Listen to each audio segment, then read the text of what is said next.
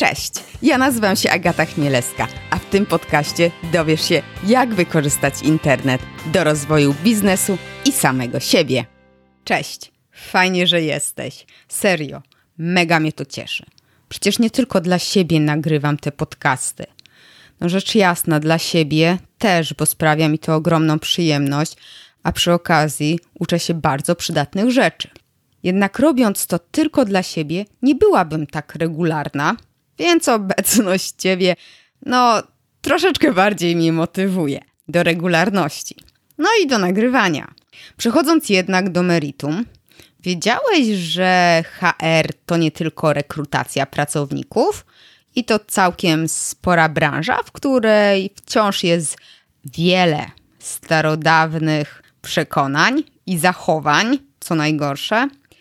Czasy, gdy to tylko pracodawca dyktował warunki, powoli się kończą. Pracownik i potencjalny pracownik też może mieć swoje potrzeby i wymagania. W dodatku firmy nie powinny skupiać się tylko na zadowolonych klientach, ale także na zadowolonych pracownikach. Wreszcie, wreszcie coś się zmienia i wreszcie pracując dla kogoś, możemy czerpać z tego prawdziwą przyjemność. Jednak, e, no właśnie, jest pewne jednak. To jednak to to, że tylko nieliczne firmy mają tego świadomość. I wtedy wchodzi Maja, cała na biało, która edukuje, szkoli i pomaga firmom w zdobyciu i utrzymaniu najlepszych pracowników. Jak to robi, opowie podczas rozmowy ze mną. Przy okazji zdradzi, czy HR-owy freelancer jest potrzebny na rynku. Zapraszam Cię do rozmowy z Mają Gojtowską i podzielenia się później swoimi wrażeniami, a także doświadczeniami. Cześć Maju. Cześć Agato. Powiedz proszę, czym się zajmujesz i na czym to polega, bo to jest naprawdę mega interesujące. Wierzę, że każdy pracodawca powinien traktować swoich pracowników i kandydatów przynajmniej tak dobrze jak klientów, bo Niestety nie zawsze tak jest.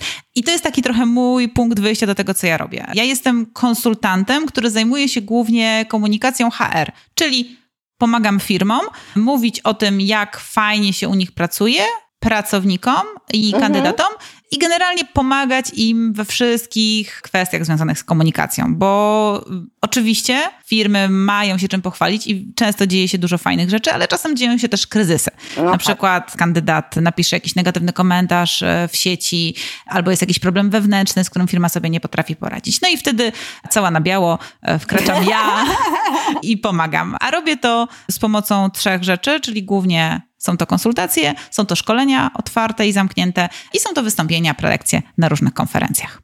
Tak y, podsumowując, dbam o to, żeby firmy traktowały swoich pracowników i kandydatów przynajmniej tak dobrze, jak traktują klientów, bo niestety nie zawsze tak jest. Bardzo często widać w komunikacji, jak bardzo firmy chcą podkreślać, że to właśnie klienci są najważniejsi, a ja stawiam taką kontrowersyjną dla niektórych tezę, że to wcale nie do końca tak jest, że, że tak naprawdę ta praca powinna zacząć się od podstaw, a tą podstawą są pracownicy, a zanim jeszcze staną się pracownikami, to kandydaci. I właśnie w tym pomagam e, firmom, żeby nauczyć się fajnie, atrakcyjnie, angażująco i efektywnie rozmawiać z kandydatami i z pracownikami.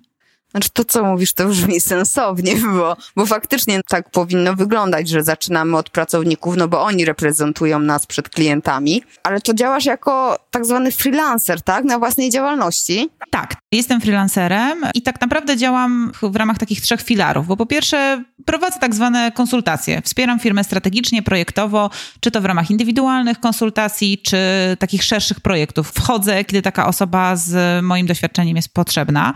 Po drugie, jestem szkoleniowcem.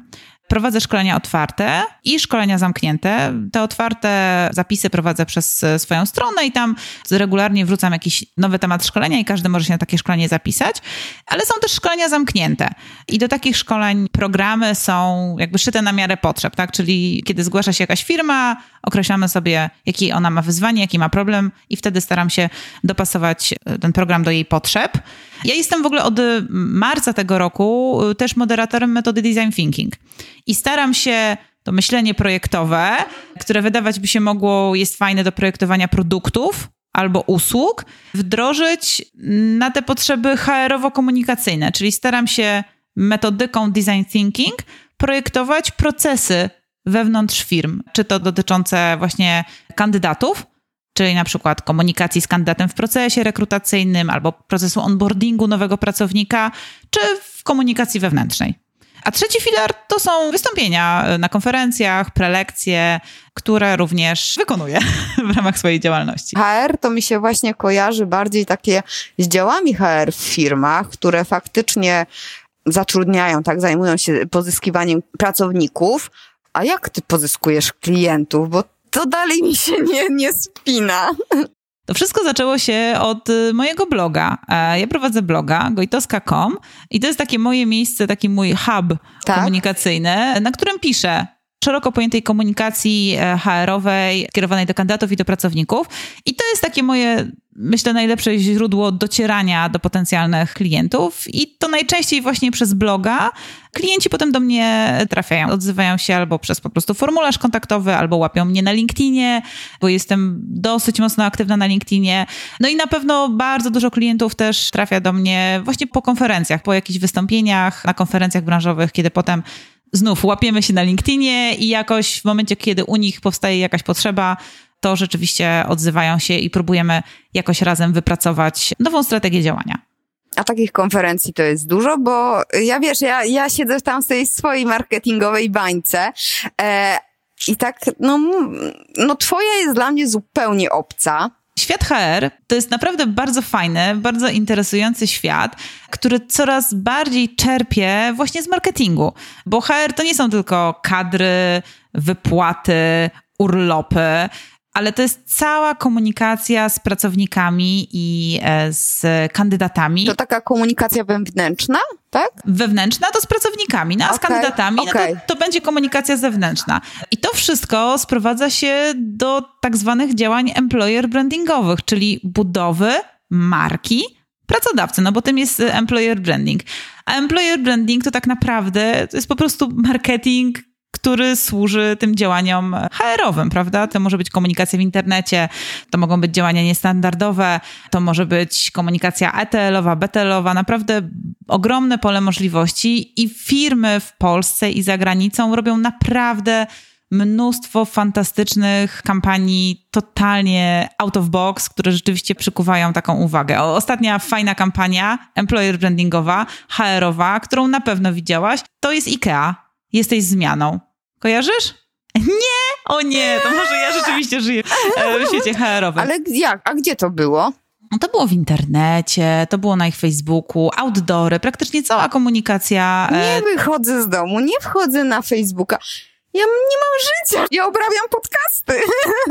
Ta kampania to jest w ogóle fajny przykład współpracy działu HR z innymi działami, bo to jest przykład kampanii, która została wypracowana wspólnie przez dział HR-u, ale też przez dział marketingu i przez tego, co pamiętam, e, dwie agencje, które wspierały firmę w tym procesie komunikacji. Oni to właśnie wszystko robili za pomocą metodologii design thinkowej, więc było to bardzo, bardzo takie inspirujące, innowacyjne i bardzo skupiające się na potrzebach ich odbiorcy, którymi byli kandydaci, potencjalni kandydaci do pracy WIKA. Także zachęcam ci, musisz pisać na YouTube, jesteś zmianą i zobaczysz, co z tego wyjdzie. A ciekawostka jest taka, że muzykę do tego klipu nagrał Smolik. E, wiesz co, ja może i widziałam. Jeżeli mieli reklamy na YouTubie e, takie te, to na pewno widziałam, tylko po prostu, wiesz, ja nie jestem grupą docelową, więc nie, nie odbierałam, a na przykład widzę niektóre reklamy też na outdoorze, bo to, że nie wychodzę z domu to oczywiście żart, ale jeden z e-commerce'ów internetowych też miał billboardy w różnych częściach miasta, Warszawy, między innymi w metrze i to też było skierowane właśnie do pracowników i to był wyjątkowy prezent. To właśnie to zauważyłam, no i też czasem widzę, ale jednak mam takie poczucie, bo mimo, że też jestem freelancerką, to wciąż dostaję jakieś propozycje pracy, oferty, czasem na jakieś rozmowy chodzę i cały czas mam wrażenie, że firmy ok, kreują się na super pracodawców, ale jednak jak dochodzi co do czego, to później to, to, ta rzeczywistość trochę inaczej wygląda. Też masz takie doświadczenia, bo wiesz o co chodzi. Tutaj ten, zresztą rozmawiałyśmy o jednej historii. Wszystko super pięknie, a tak naprawdę to tylko, żeby faktycznie już doprowadzić do takiego stanu kandydata, że już stwierdzi, dobra, to spróbuję. Ja myślę, że w tym, co ty mówisz, jest dużo racji i w ogóle zachęcam swoich klientów, słuchaczy do tego, żeby na cały proces funkcjonowania człowieka w organizacji, to się tak ładnie nazywa Human Life Cycle, który dzieli się jakby na dwa etapy. Mamy etap doświadczeń kandydata, czyli Candidate Experience, a potem mamy etap doświadczeń pracownika, czyli Employee Experience. I warto spojrzeć na ten proces w taki sposób. W momencie rekrutacji firma składa pracownikowi pewną obietnicę. Obiecuje coś w ogłoszeniu o pracę, obiecuje coś na spotkaniach rekrutacyjnych. Nawet sam moment, kiedy kandydat kontaktuje się z działem HR, z rekruterem, który prowadzi tą komunikację, ten proces rekrutacyjny, jest pewną obietnicą. Możesz sobie zobrazować w jakiś sposób, jak wygląda styl komunikacji w tej organizacji, jakie jest podejście do pracowników, ale też do klientów, skoro no tak się komunikują. I ważne jest, żeby to, co firma obieca w procesie rekrutacyjnym, było potem spójne z tym, co otrzyma, kiedy kandydat stanie się już pracownikiem. Bo ta obietnica w momencie, w którym pracownik przychodzi pierwszego dnia do pracy, rozpoczyna tak zwany proces onboardingowy, czyli przechodzi wszystkie szkolenia, szkolenie BHP, dostaje podstawowe informacje o firmie, zaczyna chodzić na spotkania, to ta obietnica jest weryfikowana. Czy to jest prawda i rzeczywiście jest tak fajnie, jak miało być? No, czy nie do końca jest tak fajnie. I teraz ciekawostka. Nie wiem, czy wiesz, że jedna trzecia nowych pracowników w firmach podejmuje decyzję o zmianie pracy w ciągu pierwszego pół roku pracy w tej firmie. Czyli jeśli firma zrekrutuje kandydata, wyda na to jakieś pieniądze, zaangażuje w ten proces ileś osób, zrekrutuje jakiegoś talentowanego, fajnego, chcącego się wykazać pracownika, który chce się rozwijać, ma pomysły, i ten pracownik przyjdzie i nagle się okaże, że to wszystko, co mu obiecano, to jest po prostu nieprawda, to naprawdę bardzo szybko ta osoba może zdecydować się tą pracę zmienić. I warto pamiętać, że szczególnie teraz, kiedy na rynek pracy dociera trend uberyzacji, czyli praca na etacie nie jest już aż tak motywująca jak jeszcze parę lat temu. Tak? Rynek freelancerów rośnie. W Stanach to są miliony osób, które pracują na własnej działalności. W Polsce też ten trend jest coraz bardziej widoczny, szczególnie wśród młodego pokolenia. Więc warto pamiętać, że ta mobilność pracowników jest coraz większa i zmiana pracy nie jest już aż takim problemem. Więc jeśli firma zawala proces onboardingu, nie spełnia tej obietnicy, którą złożyła w procesie rekrutacyjnym, to bardzo szybko może tego utalentowanego pracownika po prostu stracić. Zwłaszcza, że wiesz, teraz problem jest utrzymanie moim zdaniem pracownika. Ja mam jakieś takie dziwne też przypadki. Ja zrezygnowałam z pracy po pięciu dniach. Jeszcze na szczęście nie podpisałam umowy, ale to, co było mi obiecane i to, jak wyglądała firma od środka, to było straszne i no. Ja myślę, że takich osób jest więcej. I teraz na to należy spojrzeć y, jakby z kilku perspektyw, bo po pierwsze to jest perspektywa biznesowa, czyli to, ile ta firma straciła pieniędzy i czasu na zrekrutowanie ciebie, no i na zrekrutowanie osoby, która ciebie zastąpi. Ten proces się wydłuża. Ale na to też trzeba spojrzeć wizerunkowo, bo ty, jako taki pracownik, kandydat ze złymi doświadczeniami, to nie jest tak, że ty to zachowasz tylko dla siebie no i będziesz pamiętać. Ty o tym będziesz mówiła. I zresztą są takie bardzo fajne badania, które przeprowadził e-recruiter. One się nazywają Candidate Experience 2017. Ostatnie było przygotowywane w zeszłym roku. Wiem, że teraz firma pracuje nad y, kolejną edycją tego badania. I one pokazują, bezpośrednie przełożenie złych doświadczeń kandydata z procesu rekrutacyjnego na jego późniejsze decyzje zakupowe. Czyli bardzo łatwo jest wykazać bezpośrednie przełożenie negatywnego procesu rekrutacji na potem sprzedaż produktów albo usług. Bo jeśli ja na przykład biorę udział w procesie firmy, która sprzedaje czajniki i zostanę tam źle potraktowana, bo na przykład firma obieca mi pewne wynagrodzenie, a potem na koniec procesu okaże się, że jednak chcą mi dać zupełnie o połowę niższe. Albo bo obieca, że się do mnie odezwie w ciągu tygodnia, ale jednak potem stwierdzi, że, że się w ogóle nie odezwie, albo będę się musiała jej przypominać i nikt się do mnie nie będzie chciał odezwać. To ja potem jak przyjdzie taki moment, że będę chciała kupić sobie czajnik, to istnieje duża doza prawdopodobieństwa, że ja wybiorę produkt y, firmy konkurencyjnej. I jeszcze twoi znajomi, którym opowiesz. Tak, tak. A pamiętaj o jeszcze jednej ważnej rzeczy, że my żyjemy w świecie zdigitalizowanym. No nie muszę tak. tobie o tym mówić. Więc to, że ja to opowiem moim znajomym na kawie czy na piwie, będzie o tym wiedziała moja mama, mój mąż, mój tata i najbliżsi znajomi, to jest jakby chyba najmniejszy problem. No bo teraz ta siła nacisku konwersacji jest w zupełnie innym miejscu. Inne osoby, które będą chciały aplikować do tej firmy, mają ogromną łatwość dotrzeć do mnie przez media społecznościowe, choćby przez LinkedIna. Jest naprawdę bardzo dużo portali internetowych, gdzie bardzo łatwo można napisać w mniej lub bardziej emocjonalny sposób o swoich e, doświadczeniach e, z procesu rekrutacyjnego czy z pracy. I znów badania pokazują, że pracownicy, kandydaci bardzo chętnie sprawdzają te opinie. Tak, no oczywiście. Kiedy jesteśmy w jakimś procesie rekrutacji, czy myślimy o zmianie pracy, no to jaka informacja jest dla nas najcenniejsza? To, jak tam się naprawdę pracuje. Więc albo szukamy ludzi, którzy tam już pracują, no i jeśli ich znajdziemy, no to okej, okay, spróbujemy się od nich czegoś dowiedzieć. No ale jeśli nie mamy dostępu do takich osób, no to pierwszym źródłem informacji będzie dla nas internet, a konkretnie strony, gdzie pracownicy, kandydaci wymieniają się e, opiniami e, o potencjalnych pracodawcach. Na polskim rynku liderem jest GoWork. E, tam jest e, kilkanaście e, milionów opinii mniej lub bardziej pochlebnych. Naprawdę każdego dnia są dodawane. Można dowiedzieć się wielu, często przykrych informacji o rzeczywistości, jaka panuje w polskich firmach, ale z drugiej strony e, naprawdę jest też sporo opinii takich wyważonych, e, gdzie e, pracownicy w taki bardzo uczciwy sposób piszą, co jest fajne, co jest niefajne. Ale takich, takich stron jest więcej. Tak, w Polsce rzeczywiście to jest GoWork. Opinie można też dodawać na Golden Line. Ale bardzo na świecie rozwinięty jest taki serwis, który nazywa się Glassdoor. To jest serwis do również no, opiniowania e, pracodawców, tylko wyróżnia go naprawdę um, fajna kultura komunikacji. Tam rzeczywiście nie ma hejtu, e, tam pisze się w bardzo merytoryczny sposób, nawet jeśli kogoś e, się krytykuje, to jest to takie bardzo konkretne i konstruktywne. W Polsce Glassdoor nie jest aż tak mocno popularny, ale są polskie e, oddziały zagranicznych firm, które również tam mają profile i można tam dodać e, swój komentarz. Z tym, że no, tak naprawdę dzisiaj, no to e, wiesz, komentarz o firmie wartościowy dla potencjalnych kandydatów możesz dodać, nie wiem, nawet na Instagramie, wrzucając swoje zdjęcie po rozmowie rekrutacyjnej, pisząc, że byłam właśnie na rozmowie rekrutacyjnej w firmie X i było fajnie albo było niefajnie. I, i, I, to już jest jakiś komentarz, także.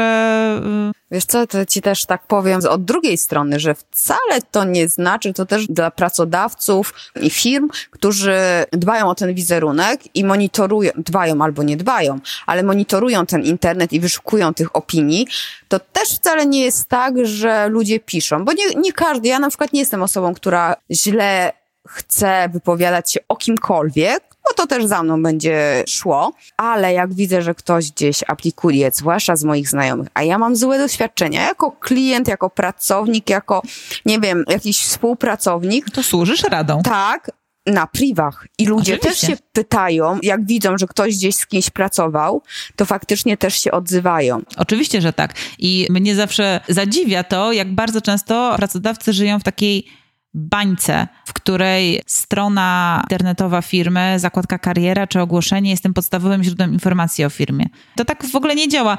Ja teraz do jednego e, z projektów szkoleniowych przygotowywałam taką serię wywiadów e, z potencjalnymi kandydatami, z osobami, które mogłyby aplikować na to stanowisko.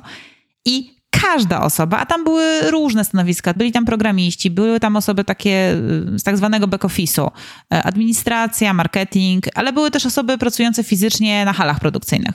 I każda z tych osób powiedziała, że dla nich, z ich perspektywy, kiedy oni szukają pracy, najważniejsze są opinie pracowników, bo na stronie to firma może sobie zapisać wszystko, co chce a ich interesuje to, jak jest naprawdę. Dlatego warto nie tylko inwestować w komunikację, ale rzeczywiście dbać o to, aby pracownicy czuli się w firmie dobrze, a jeśli już się czują dobrze, to warto uczyć pracowników, że ich pozytywne komentarze o swojej firmie są de facto korzystne dla wszystkich. No bo to, to jest taki trochę system naczyń połączonych, bo z jednej strony, jeśli pracownik fajnie, pozytywnie wypowiada się o swojej firmie, no to jest potencjalnie wiarygodnym kandydatem dla innych firm, ale też może być bardzo pomocny przy rekrutowaniu nowych pracowników no bo system rekomendacji, tak jeśli pracownik rekomenduje pracę w firmie, no to to jest najlepsze, co się może wydarzyć, ale też z punktu widzenia takiego biznesowego, marketingowego, sprzedażowego to jest bardzo wiarygodne, no bo jeśli pracownik mówi, moja firma jest fajna, właśnie wprowadziliśmy taki fajny produkt, pracował nad nim zespół Zenka, Krysi i Ani i oni się naprawdę napracowali, spróbujcie, no to dla mnie, jako dla konsumenta, to jest naprawdę taka wiarygodna informacja, bo ja widzę ludzi, którzy za tym stoją i widzę, ile oni siły i pracy w to włożyli. Także na te takie typowo, wydawać by się mogło HR-owe tematy, można naprawdę spojrzeć z zupełnie różnych perspektyw, bo z jednej strony to jest wizerunek, z drugiej strony to jest twardy HR, ale z trzeciej strony to jest właśnie sprzedaż. I to bardzo, bardzo śmiało można wykorzystywać. No tak, ale mm, widzisz, że faktycznie, znaczy no pewnie widzisz tak, że jest tym zainteresowanie z, ze strony polskich firm, ale czy to jest właśnie polskich firm? To jest właśnie główne pytanie. Czy dużych firm, czy małe firmy też się tym interesują? Nie, absolutnie, absolutnie nie tylko dużych. Znam dużo przykładów mniejszych firm, które robią fajne rzeczy, bo to wiesz, trochę zależy od tego, o czym mówimy, bo oczywiście duże firmy mają duże budżety i dużą siłę rażenia. No bo jeśli sobie przypomnimy bodajże zeszłoroczną kampanię Lidla, mhm, czy tegoroczną tak, tak, tak. kampanię tak. McDonald'sa, gdzie pokazywali e, swoich pracowników, to są naprawdę ogromne budżety, za tym stoją strategia, agencje i to jest super, to jest naprawdę fajne, że oni to robią, bo każda z tych firm w swojej branży, w swojej klasie rzeczywiście buduje ten wizerunek, pokazuje, że tam się, że, że praca w Lidlu to wcale nie jest e, obciach, że to może być fajne, że tam się ludzie mogą rozwijać ale tak naprawdę takie pozytywne doświadczenia kandydatów może budować każda firma, bo do tego wcale nie są potrzebne ogromne budżety, tylko pomysł i taka świadomość tego, czego na przykład w procesie rekrutacji potrzebuje kandydat. I znów, odwołując się do badań, kandydat deklaruje, że w procesie rekrutacji to, czego najbardziej potrzebuje, to jest kontakt z rekruterem i ta informacja zwrotna jeśli przeszedłem, no to super, ale powiedzcie mi o tym jak najszybciej. Jeśli nie przeszedłem, to powiedzcie mi dlaczego, żebym mógł to poprawić. I o tym się mówi naprawdę bardzo dużo. I teraz znów ciekawostka, badanie rekrutera, o którym mówiłam. Mogę się trochę przekłamać liczby, ale wydaje mi się, że tam było jakoś tak, że 80% firm deklaruje, że w procesie rekrutacyjnym jest z kandydatem w ciągłym kontakcie. A Jasne. Jaka jest, a, a, właśnie, a jaka jest opinia kandydatów? I w tym samym badaniu okazuje się, że tylko 60% uważa, że, że ten ciągły kontakt był. I taki rozdźwięk jest praktycznie przy każdym y, punkcie jeśli chodzi o kontakt, jeśli chodzi o feedback, jeśli chodzi o tempo procesu rekrutacji. To, w czym są najbardziej zgodni, to atmosfera procesu rekrutacyjnego. Ale umówmy się, atmosfera zawsze, procesu tak. rekrutacyjnego nie jest głównym czynnikiem decyzyjnym, choć oczywiście jest bardzo fajna, bo zawsze fajnie jest być na miłym spotkaniu, kiedy na przykład na koniec y, rekruter oprowadzi cię po biurze i pokaże, jak to biuro wygląda tak zakulisowo. E, no bo to, to jest y, bardzo Nigdy ważna nie, informacja. nie byłam na takiej rekrutacji. Wiesz co, ja pierwszym krokiem do szkoleń, które ja prowadzę, zazwyczaj jest określenie, jakie są grupy docelowe, szczególnie szkoleń zamkniętych, jakie są grupy docelowe danej firmy i przeprowadzenie kilku wywiadów z, tak, z takimi osobami, żeby zebrać insighty. I właśnie rozmawiałam ostatnio z takim chłopakiem programistą i on mi opowiadał, że właśnie był ostatnio w procesie rekrutacyjnym i na koniec zebrali go na taki spacer po biurze, tur po biurze i dla niego to było super. I najciekawsze było to, że on do tego wrócił przynajmniej ze trzy razy w tej rozmowie, więc zobacz, jak duże wrażenie to musiało na nim wywrzeć, że aż trzy razy powtórzył, że on mógł przejść, zobaczyć, jak wygląda kuchnia, mógł zobaczyć, jak są biurka ułożone, czy ludzie tylko pracują i ze sobą nie rozmawiają, czy tam siedzą gdzieś na sofach i trochę się wygłupiają, czy chillout room jest rzeczywiście oblegany, czy tylko tam jest i nikt do niego nie wchodzi, tylko jest, żeby był. I to są takie informacje, które dla niego były bardzo ważne. Ale znów, to nie jest tak, że każdy pracodawca musi oprowadzać po biurze, no bo są różne procesy, tak, przecież czasem procesy prowadzone są na zewnątrz, ale dla mnie takim najbardziej podstawowym, ale też niezwykle efektywnym elementem budowania tych dobrych doświadczeń kandydatów jest po prostu komunikacja. Dawanie temu kandydatowi znać mailowo, telefonicznie, nawet jeśli coś się przedłuża. No, w Polsce średni proces rekrutacyjny trwa trzy miesiące. Więc oczywiście to powinno trwać coraz krócej, bo to jest i męczące dla kandydatów i dla pracowników. I firmy naprawdę starają się, żeby to było jak najkrótsze. No ale jakby zdajemy sobie sprawę, jak to wygląda biznesowo, ile osób jest często w proces rekrutacyjny włączone. Do tego dochodzą urlopy, jakieś nieplanowane projekty, no to się przedłuża. Tylko po prostu bądźmy w kontakcie, mówmy, dawajmy znać. Informujmy, jeśli ktoś z procesu odpadnie. Nie czekajmy do końca, tylko informujmy na bieżąco nie ma dziś branży, gdzie nie ma problemu ze znalezieniem dobrego pracownika. Mhm. Każdy dzisiaj o tych pracowników walczy.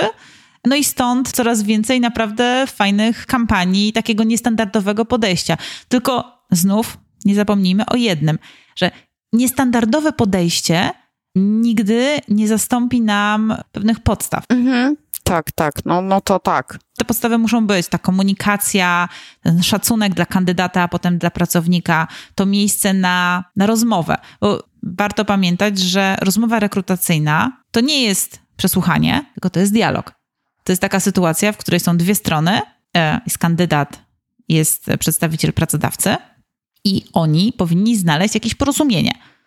Oni powinni dojść do sytuacji, w której oferta pracodawcy w pełni odpowiada kandydatowi. I jeśli dwie strony są z tego, co uda im się przedyskutować, zadowolone, no to wtedy jest e, super. A nie może dochodzić, nie powinno przynajmniej dochodzić do sytuacji, w której mamy pewien dysonans, tak? Jeden jest wyżej i mówi z tej pozycji wyższej, a, a druga osoba ok, no albo przyjmie, albo nie przyjmie.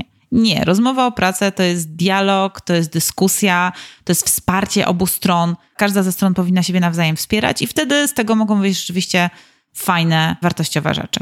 I jeszcze jedna fajna rzecz. Pamiętajmy, że o tym trochę też e, rozmawiałyśmy. Kandydaci pamiętają. Naprawdę, kandydaci pamiętają i kandydaci wymieniają się potem między sobą w sieci rekomendacjami na temat fajnych, wartościowych, profesjonalnych rekruterów. Więc jeśli ktoś brał udział w fajnym, profesjonalnym procesie rekrutacyjnym, to jest coraz większe prawdopodobieństwo, że napisze: Hej, polecam rekruterkę Annę Kowalską, bo była super, była wspierająca, informowała. Jeśli chcecie, żeby pomogła Wam znaleźć pracę, to uderzajcie do niej, bo ona jest fajna. I takich sytuacji znów jest coraz więcej. Szczególnie w branży IT, ja obserwuję, ale nie do końca. Ja mam przynajmniej kilka takich print screenów z takich LinkedInowych dyskusji, gdzie właśnie ktoś mówi, że musi zatrudnić rekrutera, bo potrzebuje przeprowadzić proces rekrutacyjny, czy możecie kogoś polecić i kandydaci polecają. No tak jak w świecie produktów i usług, też sobie polecamy firmy, produkty, usługi. To, to działa dokładnie tak, tak samo. No tak, to jest prawda I, i faktycznie czasy, kiedy szło się na rozmowę rekrutacyjną, jak na ścięcie ze stresem, pod krawatem, to no ja nie, ale, ale nie, no faktycznie to jest też tak, że te wszystkie zasady, że to nie wypada prosić o wodę czy jakąś kawę. Ja faktycznie tam idę na rozmowę. Wiesz co, napisałam kiedyś taki tekst o tym, jak kawa może mieć przełożenie na wizerunek organizacji. Kawa w procesie rekrutacyjnym. Aha. A punktem wyjścia były takie badania jakiejś brytyjskiej firmy, z których się okazało, że 75% kandydatów wyrobia sobie pierwszą opinię na temat pracodawcy na podstawie tego, czy i jaką kawę dostanie w procesie rekrutacyjnym. Więc wyobraź sobie, że w ogóle nikt ci nie zaproponuje kawy, no to słabo, bardzo słabo, no ale potem okej, okay, mogą ci zaproponować kawę. No i co dostaniesz? Możesz dostać kawę z profesjonalnego ekspresu. Tak. Super, to jest sytuacja idealna, ale tutaj też jeszcze mamy podpunkt A i B, bo możesz ją dostać w jakimś kubku albo obrędowanym kubku albo filiżance, a możesz dostać w plastikowym kubeczku trochę słabo. Możesz dostać jakąś rozpuszczalną, a możesz dostać tak fusy, kawę po turecku, czy jak tu ostatnio widziałam w jakiejś e, smażalni rybnej nad polskim morze, kawę jak u babci. Także to wszystko e, wpływa na to, jak ty potem tą firmę postrzegasz. No, no tak. Po prostu. Ale pamiętaj też o jeszcze jednej rzeczy, że dzisiaj procesy rekrutacyjne to nie zawsze jest tylko taka rozmowa, taka jak, jak to sobie każdy ją wyobraża. Dzisiaj procesy rekrutacyjne to są e, warsztaty specjalne. Nawet nie assessment center, tylko takie warsztaty, podczas których kandydaci też się czegoś uczą, ale pokazują, jak się rozmawia. Ale dzisiaj procesy rekrutacyjne to są gry rekrutacyjne. Gry prowadzone na platformach w sieci, gdzie normalnie bierzesz udział w jakiejś grze, odpowiadasz na pytania testowe I właśnie te pytania testowe pozwalają dopasować ciebie do kultury organizacyjnej. Sprawdzają to dopasowanie, czy wartości, jakimi ty się kierujesz w pracy i w życiu, odpowiadają wartościom firmowym. I dopiero po takiej grze ci kandydaci, którzy rzeczywiście najbardziej pasują do, do kultury firmy, są zapraszani potem na kolejne rozmowy. Ale to, przepraszam bardzo, w jakich branżach? O, i praktycznie w każdej. Motoryzacja. W Polsce? Oczywiście, że w Polsce, tak. To Gry rekrutacyjne. Nie dzwonią. No nie, no bo w grze rekrutacyjnej to e, najpierw e, to musisz rozwiązać test. Wiesz co? E, gry rekrutacyjne są na pewno super rozwiązaniem na przykład do sprzedaży, do pozyskiwania handlowców, do działów obsługi klienta, albo na przykład na programy stażowe dla stażystów. Taką grę rekrutacyjną stworzyło między innymi PWC, E, I tam była cała fabuła, historia, miała swojego bohatera, Jacka Shadow, Shadowiaka, który prowadził firmę, ta firma się rozwijała i uczestnicy mieli przeprowadzić e, przygotowania do audytu, bo to była rekrutacja na audytorów do e, PWC. I projekt stażowy trwał ponad dwa miesiące i składał się znów z kilku etapów. Najpierw był etap online, potem była taka gra już w siedzibie PWC, gdzie uczestnicy rozwiązywali konkretne case'y, ale do tego została stworzona cała fabuła, dedykowane filmy, fanstrona na Facebooku. Także to było dużo, dużo więcej niż taka klasyczna rekrutacja i po prostu powiedzenie hej, szukamy audytorów, aplikujcie. Fajne to jest. A tak teraz sobie pomyślałam, no bo i ja, i ty jesteśmy freelancerkami. Jakie my mamy szanse na rynku pracy pod względem takim, że my byśmy chciały rozwinąć swoją tą działalność i byśmy faktycznie chciały wejść w, zatrudnić kogoś, po prostu zatrudnić. I umówmy się, nie mamy jakichś wielkich finansów, więc też nie szukamy mega, nie wiem, rozwiniętych tutaj specjalistów za 10 tysięcy miesięcznie, tak? Tylko załóżmy tam 3-4 tysiące na jakiegoś specjalistę, juniora, który będzie się przy nas uczył. No, takie są realia. Jesteśmy korporacjami, ale jak teraz my możemy konkurować przy dużych organizacjach? Czy my w ogóle możemy? Czy wiesz co, no ja myślę, że no to już przechodzimy do tematu naszej marki osobistej, Aha. tak? I tego, jaką ty masz markę w swojej branży, ty jako Agata Chmielewska i bazować przede wszystkim na tym, bo jeśli ty jesteś wiarygodna jako przedsiębiorca, masz swoją sieć e, odbiorców, którzy cenią to, co robią, cenią treści, jakie tworzysz, cenią e, twój content, no i cenią twój know-how, twoją wiedzę, to jestem przekonana, że nie będziesz miała żadnego problemu ze znalezieniem współpracownika, tylko oczywiście narzędzia, jakimi będziesz to komunikować, no trzeba jakby dopasowywać do, do zasięgu i do tego, co robisz y, na co dzień, bo myślę, że tutaj, na przykład w Twoim przypadku, to być może ogłoszenie na pracuj.pl nie będzie potrzebne, bo spokojnie poradzisz sobie, po prostu pisząc y, jakieś kreatywne, fajne, storytellingowe, a przede wszystkim autentyczne y, ogłoszenie, na przykład na LinkedInie.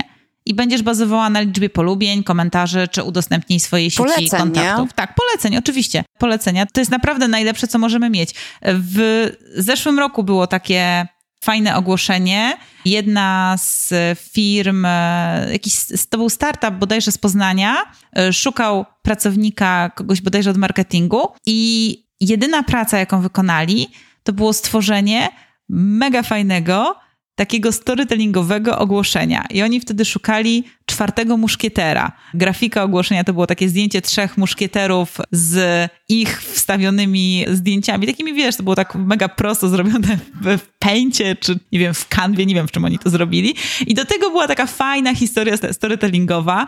Było tam dużo dowcipu ale też były te podstawowe informacje, bo było napisane, ile ta osoba dostanie, były napisane jej obowiązki, były napisane oczekiwania, ale to wszystko było strasznie fajne, była tam fajna historia, było tam poczucie humoru.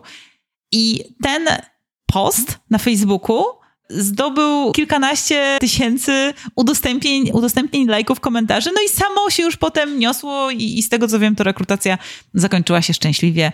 Ten czwarty muszkieter do, do firmy.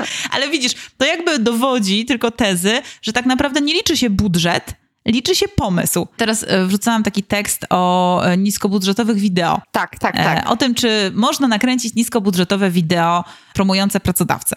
I naprawdę de facto, no szczególnie dzisiaj, w dobie nowych technologii, to tobie potrzebny jest telefon, dostęp do internetu i pomysł. i możesz zrobić wszystko, bo jest mnóstwo darmowych narzędzi, więc łatwo mi sobie wyobrazić, że takie ogłoszenie można też po prostu nakręcić w formie krótkiego, fajnego wideo z pomysłem. Właśnie w tym poście pokazywałam film firmy Prismake, która na nakręciła bodajże dwuminutowy film o kawie w ich biurze. Pokazywała, jaką kawę piją, w jakich kubkach, to pokazywała pracowników pijących kawę. No Czytali jak mówię te badania, to... co ty. tak, no tak, kawa, e, kawa, kawa, bo to są, wiesz, dwa tematy. Kawa i koty. Jest taki film, absolutny hit internetu, przynajmniej tego świadka e, HR-owego. To e, podasz linka, to ja tak, podam, podam, podam linka. To była produkcja firmy Tuplux z mm, Wrocławia. To jest Software House i bohaterem filmu był kot który... Zuzia, Zuzia słyszysz? Będziesz zarabiać na siebie. Bohaterem filmu był kot, y, który mieszka w tej firmie, mieszka sobie razem z tymi pracownikami. No film jest bombowy, ale to zostało przemyślane. Tam widać było głębszą ideę, scenariusz, to było naprawdę fajne. No i wiesz, kot jeszcze w tym wszystkim, więc to się wiralowo po prostu rozniosło. Trochę tak jak kawa, ale znów to pokazuje, że wystarczy pomysł, i trochę autentyczności. Ale to też pokazuje z mojej strony takiego potencjalnego pracownika.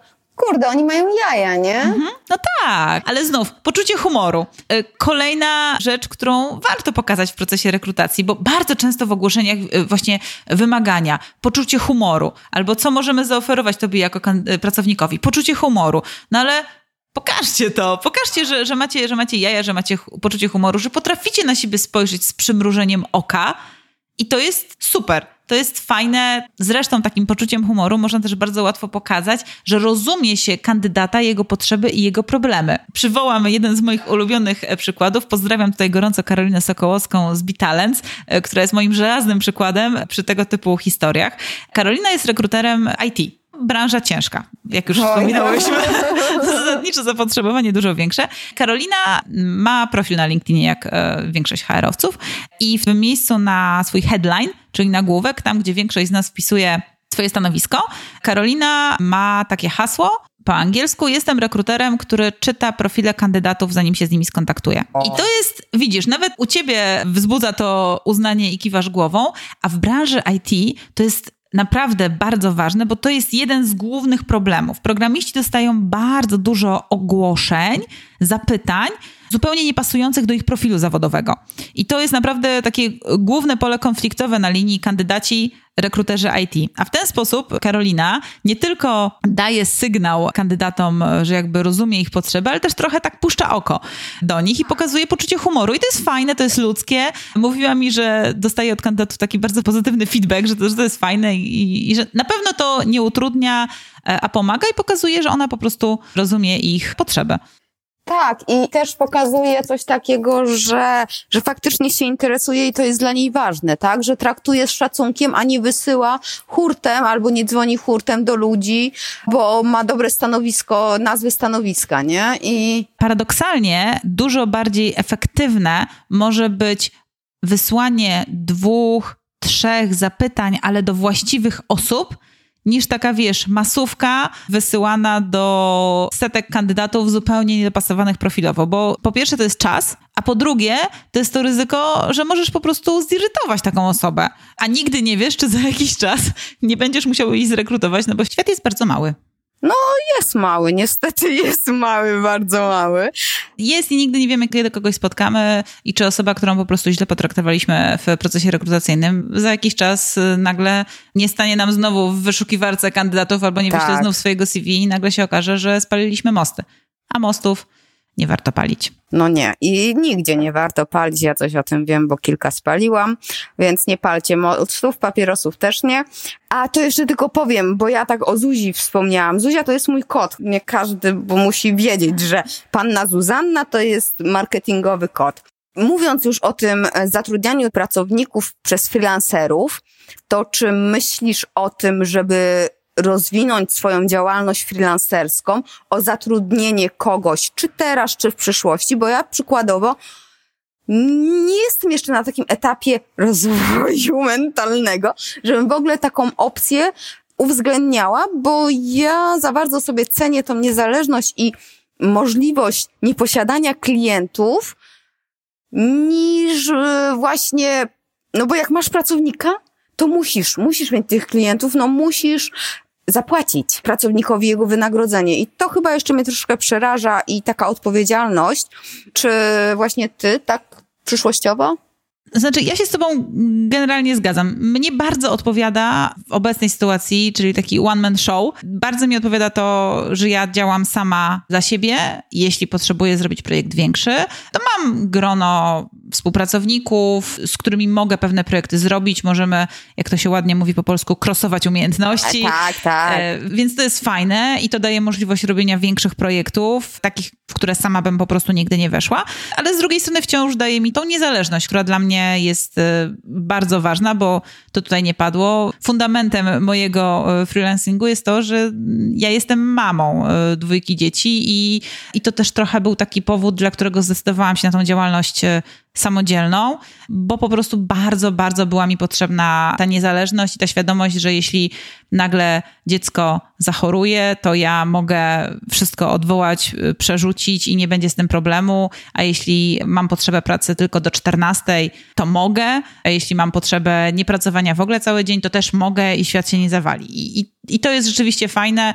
Zresztą, tak jak obserwuję, macierzyństwo jest jednym chyba z bardziej popularniejszych czynników motywujących tak. E, do zostania freelancerem. Więc... No nie, nie, nie zawsze. Nie zawsze, nie zawsze, nie mówisz zawsze, ale jednym z y, takich popularniejszych na pewno.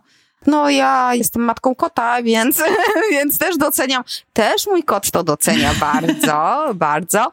A wiesz, to jeszcze jedna rzecz mi przyszła, jak mówiłaś o marce osobistej mojej, ale moja marka osobista, ta, która jest jako specjalisty, załóżmy od e-commerce'u w moim przypadku, no różni się od marki osobistej pracodawcy. Jak to ułożyć? Bo wiesz, okej, okay, ja wrzucam ogłoszenie, mówię ile mam budżetu na to stanowisko, co trzeba będzie robić, jakie będą obowiązki, jestem transparentna. Potencjalny kandydat, tak, jest zainteresowany, bo widzi ile robię, jakich mam klientów, chce się ode mnie uczyć, jest wszystko super, ale on nie wie, jaką ja jestem kosą, więc na przykład jakbyś miała mi poradzić, to uważasz, że powie, powinnam napisać, czy w pierwszej rozmowie z tym kandydatem powiedzieć, że no słuchaj, ale u mnie jak nie dowozisz deadline'ów, to no to masz chlapane. Ja myślę, że taka wiarygodność i szczerość to jest naprawdę podstawa. Mhm. Więc fajnie jest, niezależnie od tego, czy jesteś jednoosobowym przedsiębiorcą i szukasz współpracowników, czy jesteś średnią firmą, czy jesteś ogromną firmą, żeby na jak najwcześniejszym etapie powiedzieć nie tylko o tym wynagrodzeniu, nie tylko o obowiązkach, ale również o oczekiwaniach, o tych wymaganiach, bo właśnie ten styl pracy, te wartości, którymi ty się kierujesz, powinny być zbieżne ze stylem pracy, czy z wartościami, a przede wszystkim z wartościami, którymi kieruje się kandydat. Zresztą y, są znów takie badania, które pokazują, że dla zdecydowanej większości kandydatów i ta liczba rośnie, to dopasowanie kulturowe jest coraz ważniejsze. Czyli ludzie nie chcą pracować w firmach, których wartości, styl pracy, zasady, jakimi się kierują, nie są spójne z tymi wartościami, zasadami, którymi oni się kierują w swoim prywatnym życiu. I to jest taka pewna zasada, która będzie zawsze obowiązywała, niezależnie od tego, czy będziesz wielką korporacją, średnią firmą, startupem e, czy freelancerem. No bo zawsze kierujesz się jakimiś wartościami. I fajnie jest te wartości zakomunikować, aby potencjalnym kandydatom, współpracownikom, pracownikom dać sygnał, bo dla nich to też jest bardzo ważne. Jeśli jesteś kosą i to jest dla ciebie ważne, no to, to trzeba powiedzieć po prostu, że... Nie jest że, dla mnie ważne, ale jestem. Że możesz robić to, to, to i to, ale termin tak. To jest y, priorytet. No bo jeśli tego nie zakomunikujesz, no to jest tak. to troszeczkę ryzyko tej obietnicy, spełnionej albo niespełnionej. Tak, zadałam pytanie i sobie w głowie na nie odpowiedziałam sama, że moja marka osobista troszeczkę ucierpiałaby na tym.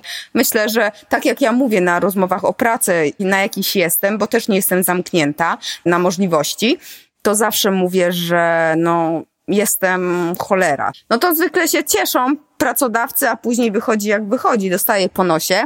Wiesz co, to jeszcze tak już e, odchodząc od pracodawców, zatrudniania, bym chciała troszeczkę podpytać Ciebie o Twoją działalność, bo tak jak wspominałam Ci już niejednokrotnie i tutaj chyba też, dla mnie branża, w której pracujesz, employer branding, troszeczkę ten HR, tak, komunikacja wewnętrzna, zewnętrzna, to jest taki temat, że nie wydawało mi się, że to jest możliwe na freelancie. Powiedz mi, dużą masz konkurencję, jak to wygląda z takiej perspektywy osoby, która się tym zajmuje, rozwija swoją właśnie działalność od pierwszego klienta, drugiego, jak to wygląda?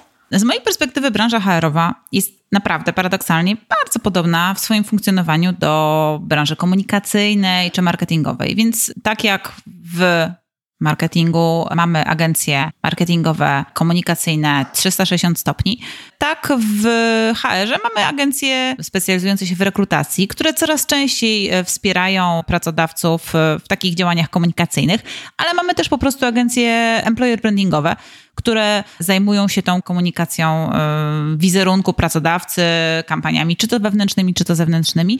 No i tak jak w każdym innym rynku są też freelancerzy, y, tacy niezależni konsultanci. Ja przyjęłam sobie za taką zasadę, że staram się wspierać swoich klientów albo szkoleniowo, albo konsultingowo do takiego etapu wypracowania strategii i naprawdę staram się i raczej dotrzymuję sobie danego słowa, nie stawać się taką jednoosobową agencją. Ponieważ wychodzę z założenia, że nie chcę mieć większego zespołu i nie mogę rywalizować z większymi ode mnie podmiotami, które mają po prostu większe możliwości ludzkie i przez to są w stanie więcej zrobić. Zresztą ja tak sobie też y, odpowiedziałam szczerze na pytanie, co ja najbardziej lubię robić i dla mnie personalnie najfajniejszy jest ten proces audytu, analizy, proces celów, badania potrzeb odbiorców, przygotowywanie strategii, no i prowadzenie warsztatów, szkolenia. To jest rzeczywiście coś, co ja bardzo lubię, w czym się bardzo spełniam. No i staram się jakby trzymać tego i raczej skupiać się na tych projektach, a jeśli klient potrzebuje wsparcia dalej, to służę dobrą radą, rekomendacją, ewentualnie pomocą przy, przy wyborze agencji, która to by mogła już obsługiwać e, na bieżąco. Tak, i polecam.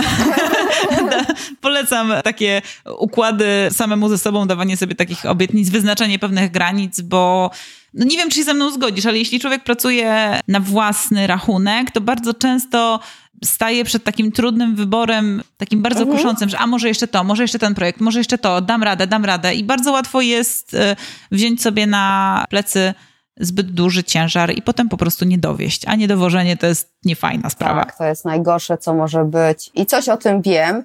Masz bloga, jesteś aktywna na LinkedInie. Czy w jakiś sposób inny się promujesz, żeby dotrzeć do nowych klientów? Oczywiście rekomendacje, tak, ale czy coś innego jeszcze? Mam fan stronę, gojtoska.com, mam bloga gojtoska.com, mam newslettera, który ostatnio jest takim bardzo fajnym kanałem dotarcia do moich czytelników. I to jest taki newsletter za pośrednictwem którego informuję o nowych postach, ale też o jakichś takich nowościach produktowo-usługowych, czyli przede wszystkim o szkoleniach.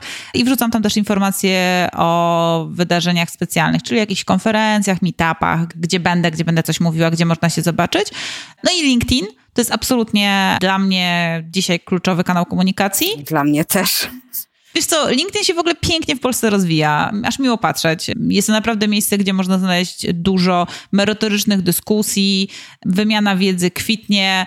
I to jest fajne. Ja bardzo lubię z tego serwisu korzystać, choć oczywiście ma on swoje wady, ale, ale myślę, że biznesowo w takich działaniach B2B to jest naprawdę fajne narzędzie. Tak. No i co? A, no i mam konto na Instagramie, ale to takie no właśnie cię ten wrzuciłam, że nagrywamy, więc oznaczyłam ciebie.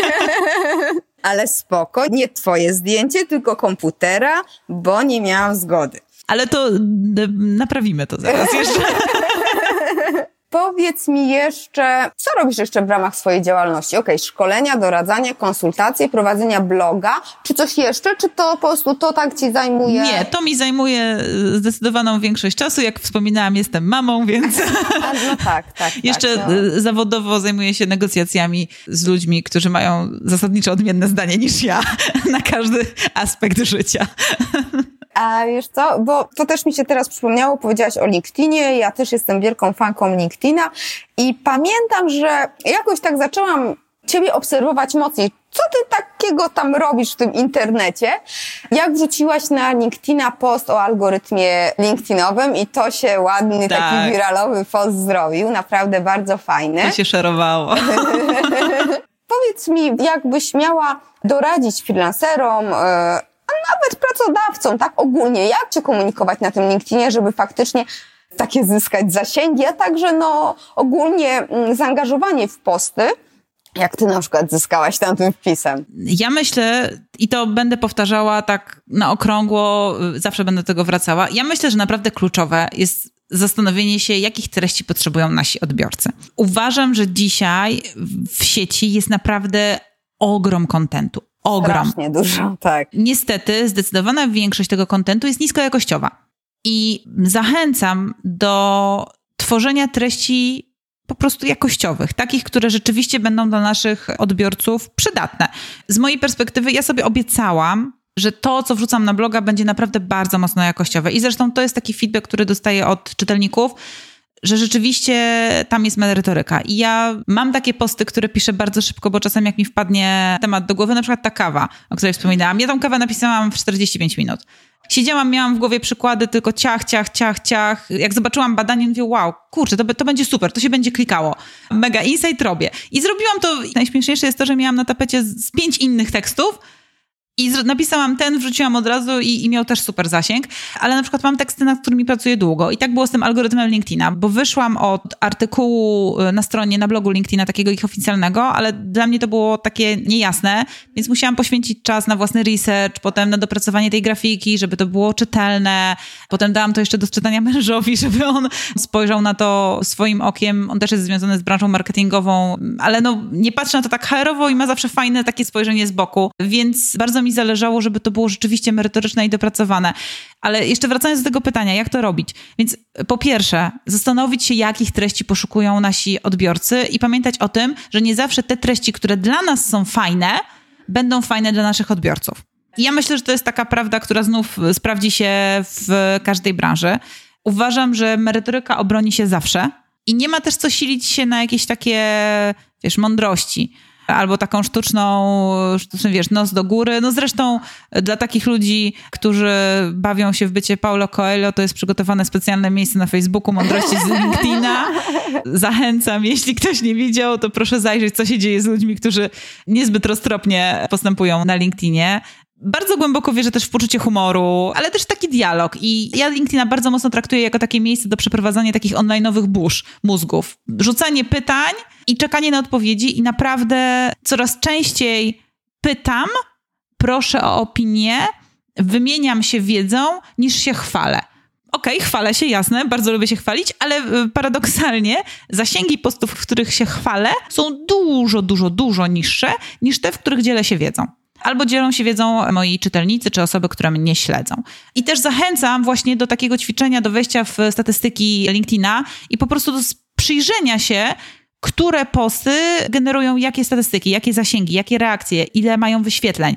Bo to jest fajne ćwiczenie, które może pokazać, że tak naprawdę nie ma sensu wrzucenia zdjęcia z kolejnej gali, gdzie wygraliśmy jakąś nagrodę, bo tak naprawdę dla naszych czytelników to nie jest żadna informacja. Okej, okay, raz na jakiś czas jasne, fajnie, no ale w dłuższej perspektywie, no to nie o to chodzi w personal brandingu. E, tak mi się tak, wydaje. Tak, ja mam taką swoją metodę też. Jak mamy jakąś prezentację z jakiejś konferencji, to wykorzystuję ją do chwalenia się tym, że byłam na tej konferencji, brałam udział, byłam prelegentem, ale ta prezentacja zwykle nic nie mówi, tak? No bo co, co obrazki, Jasne. takie jakieś tam screeny mogą powiedzieć, u mnie jest dużo właśnie też screenów, dlatego ja do tego robię wpis na blogu i zwykle to książka wychodzi, bo ja też jak publikuję, to już publikuję właśnie wartościowe treści i w ten sposób staram się podchodzić do chwalenia, nie? No oczywiście szybkie posty też są, tak? Ale jeżeli coś faktycznie jest, co mogę ograć to jakoś lepiej, to to robię.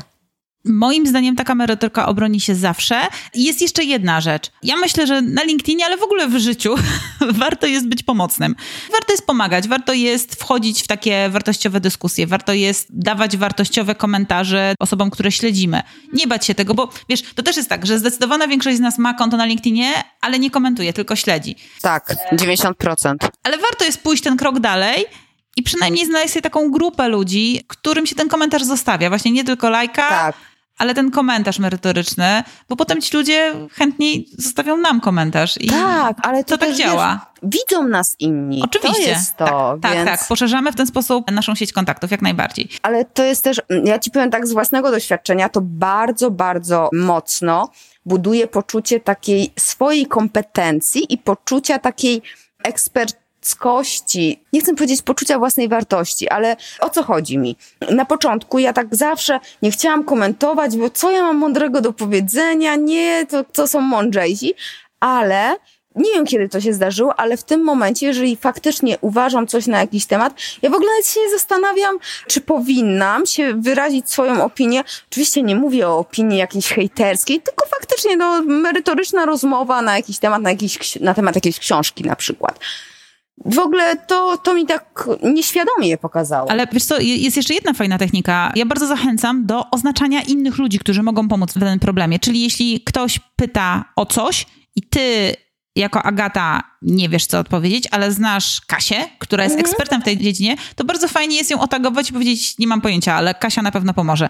I to jest też taki prosty zabieg, który y, buduje relację jakby z dwojgiem osób, bo z jednej strony z autorem danego posta, a z drugiej strony z tą Kasią, która być może zdobędzie klienta, być może ktoś inny ją zobaczy, ale ona sama też zobaczy, że, że to nie pamiętasz i to, to jest właśnie fajne. Tak, ja też tak robię. Zresztą ostatnio to u ciebie też. Tak, tak, zastosowałaś tę technikę. Tak, tak, tak, tak, tak.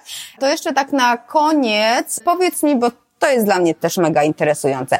Jak tak zajęta osoba, mająca jeszcze dzieci, prowadząca własną działalność, zarządza z sobą w czasie takim, nie z czasem, tylko czy używasz jakiejś aplikacji, czy zwykły zeszyt?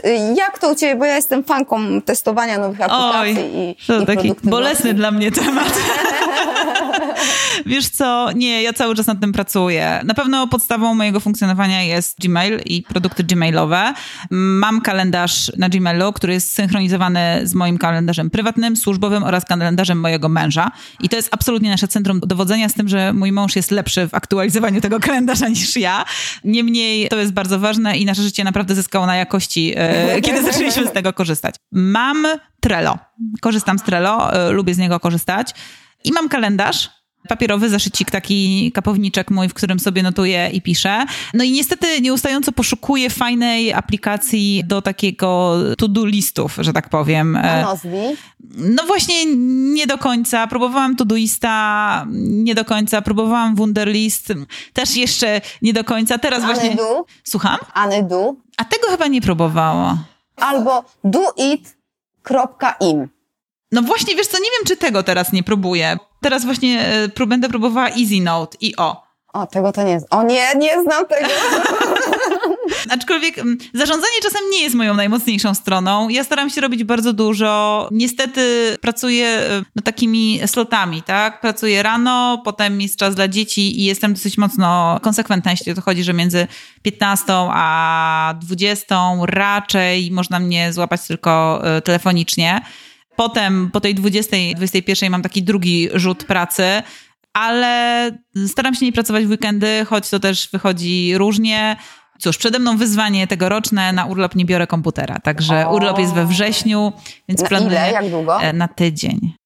Dasz radę. Myślę, ja że pięć dam. dni wytrzymam, bez internetu. Nie no, internet na pewno będziemy jakiś Znaczy ja miałam tylko internet jako mapa Google, Mhm. tak? I nic więcej Nie, nawet. muszę takie ćwiczenie przeprowadzić. Myślę, że to dla wszystkich będzie e, z dużą, z dużą korzyścią. Jakie byś książki poleciła? Po pierwsze, dla pracodawców, po drugie, dla pracowników albo kandydatów też, ale nie, dla pracowników właśnie, jeżeli znasz jakieś, albo kandydatów, a po trzecie, dla osób takich jak ty, jak ja, które chciałyby ruszyć z własnym biznesem. Zacznę od e, serii reportaży o rynku pracy w Polsce. E, To książka Urobieni, Marka Szymaniaka. E, Absolutny must have, książka, którą ja połknęłam w dwa dni. Jest świetna, bardzo przygnębiająca, bo niestety absolutnie nie słodzi. Takie mocne rozliczenie z rynkiem pracy w Polsce myślę, że da dużo do myślenia, zarówno pracownikom, freelancerom, jak i kandydatom. To są reportaże, każdy reportaż dotyka innego problemu, takiego społecznego, z którym musimy się dzisiaj zmierzyć. Także to jest naprawdę świetna książka. Jeśli w ogóle ktoś lubi formułę reportażu, to polecam gorąco. Mam na liście. Druga książka, którą naprawdę warto moim zdaniem przeczytać. To jest Praca rządzi, angielski tytuł Work Rules, Rules napisana przez Laszlo Boka. To był wieloletni szef działu People w Google. I on pokazuje, jak pracuje się w Google po prostu. Jest to super fajna książka, inspiracyjna. On bardzo mocno pokazuje zasady, którymi Google kieruje się w budowaniu swojego wizerunku jako pracodawcy w kontekście komunikacji z kandydatami, ale też w kontekście komunikacji z pracownikami. I żeby było fajnie, to nie słodzi tam sobie tylko również, ale tam następuje też takie rozliczenie, co wyszło, ale też co nie wyszło i jakie oni błędy popełnili. Jest też bardzo fajna książka, ja ją czytałam w zeszłym roku, nazywa się Kreatywność SA. To jest książka, którą napisała Amy Wallace i Edwin Catmull. I to jest książka e, opisująca kulturę Pixara tego studia mm, filmowego, od tak, od Disneya. On tam bardzo mocno opisuje ten moment, kiedy Disney ich wykupił i jak oni walczyli o to, żeby swoją e, kulturę organizacyjną utrzymać, a wręcz zaszczepić w Disneyu. Lubisz Netflixa? Nie oglądam nic, ja lubię teatr. Nie oglądasz Netflixa. No nie. Dla wszystkich, którzy oglądają Netflixa, to jest książka e, obowiązkowa, książka o kulturze korporacyjnej Netflixa. Ale to ja nie muszę oglądać, ja mogę wiedzieć. Ale wiesz, co to jest Netflix. Tak, tak, wiem, ale książki o kulturze bardzo lubię i też nigdy na zaposie nie kupowałam, a książka super. O, to też jest fajna książka, to prawda. No więc polecam jeszcze wszystkim książkę Powerful którą napisała Patty McCord, która jest odpowiedzialna za stworzenie e, bardzo wyjątkowej kultury organizacyjnej Netflixa. Polecam krótka, bardzo zwięzła, bardzo fajna, mnóstwo insightów. A jest w e-booku? Na pewno jest w e-booku, nie ma jeszcze wersji polskiej, ale na Amazonie można ją dostać. No Netflixa nie oglądam, bo ja nie mam czasu na oglądanie, a tak kocham czytanie, że... Że idziesz czytanie. Tak, że po prostu szkoda mi czasu i też bym się bała, że no, wciągnęłabym się, ja się od wszystkiego uzależniam, więc książkę bardzo chętnie. Dobrze, ja Ci mega, mega dziękuję, bo już mi rozjaśniłaś ten temat i widzę, że to nie jest taka czarna magia i faktycznie jest to bardzo ważny e, temat i warto edukować zarówno pracowników, jak i pracodawców. No i też w końcu rozumiem, czym się zajmujesz, co robisz, bo to naprawdę była taka czarna magia. A też nie chciałam Cię pytać tak pisząc, bo to bez sensu. Stwierdziłam, że dla słuchaczy też to może być ciekawe i rozwijające i też pokazujące, że branże, które uważa się, że nie mogą pracować na freelance albo są właśnie jakieś takie e, sztywne, to też mogą fajnie działać. Ja do wszystkich i książek, do linków, do stron, gdzie Cię można znaleźć, bo jak rozumiem, e, strona internetowa, blog, e, LinkedIn, Facebook, jak jeszcze coś będzie, to podlinkuję. Tak, ja podeślę, pod, pod, podlinkujemy, ja podeślę Ci wszystkie linki. Ja również bardzo dziękuję za zaproszenie. Podcasty to jest fajna sprawa, że może ja też się przekonam, zobaczę. Tak, tak. Ja Ci obiecałam, że Ci pokażę, więc yy, jak Super. to się robi, więc polecam. Super, to ja też bardzo dziękuję i co, trzeba pozdrowić wszystkich słuchaczy, tak? Pozdrawiamy wszystkich słuchaczy. Net rodzinę, męża, dzieci. Także dziękuję bardzo i, i zapraszam na gojtoska.com, bo tam chyba najłatwiej jest. Ja też również zapraszam, bo naprawdę są ciekawe artykuły. Dzięki. Dzięki. I jak? Też masz wiele przemyśleń po przesłuchaniu naszej rozmowy? Mi przez cały czas przejawiały się wszystkie miejsca, w jakich pracowałam. Przypominały mi się te dobre chwile i momenty, ale także te mniej dobre. Rozmowy z szefami i częste lądowanie na dywaniku u bossa bossów. No cóż, nie byłam mm, i chyba dalej nie jestem typem potakującego pracownika, który na wszystko się zgadzał. Swoje zdanie to ja miałam i to często bardzo. I najgorsze jest to, że nie bałam się e, powiedzieć tego, co myślę. Najgorsze dlatego, że mi się obrywało. No i może dlatego wylądowałam na swoim. No nie wiem. Wiesz, co mnie bardzo zainteresowało w tej rozmowie? Akcje promocyjne, które prowadzą różnego rodzaju firmy w celu zachęcenia pracowników do pracy u nich. Fajnie, że firmy pokazują, dlaczego warto u nich pracować. Znasz może jakieś tego typu kampanie? Ja chętnie o nich się dowiem więcej i zobaczę. Więc jeśli możesz, to podziel się nimi w komentarzu. Będę bardzo zobowiązana. No i dziękuję. Jeszcze raz Ci dziękuję, że tu jesteś, że słuchasz mnie i moich rozmówców, że polecasz innym ten podcast. To naprawdę motywuje i daje takiego powera do działania. Wiem, że co, co podcast się powtarzam i zachęcam Cię do subskrybowania kanału, zapisania się na newsletter, ale dzięki temu po prostu nie przegapisz żadnego odcinka. Oczywiście nie każdy będzie dla Ciebie odpowiedni, nie każdy będzie Cię interesował, ale otrzymując powiadomienie, że pojawił się nowy odcinek podcastu Firma Online, możesz zdecydować, czy chcesz go słuchać, czy nie. A tak, możesz przegapić coś wartościowego dla ciebie. No dobra, ja już nie przedłużam. Serio, dzięki, że jesteś i do usłyszenia następnym razem. Pa! Dziękuję Ci za wysłuchanie tego odcinka podcastu. W notatkach znajdziesz linki do stron, książek czy narzędzi, o których wspominałam. Zapraszam Cię także na mój blog achmieleska.com łamane na blog. Jeśli uważasz, że ten podcast może być pomocny także innym osobom, poinformuj ich o nim, a także zostaw opinię na iTunes. Niech konwersja i uśmiech będą z Tobą.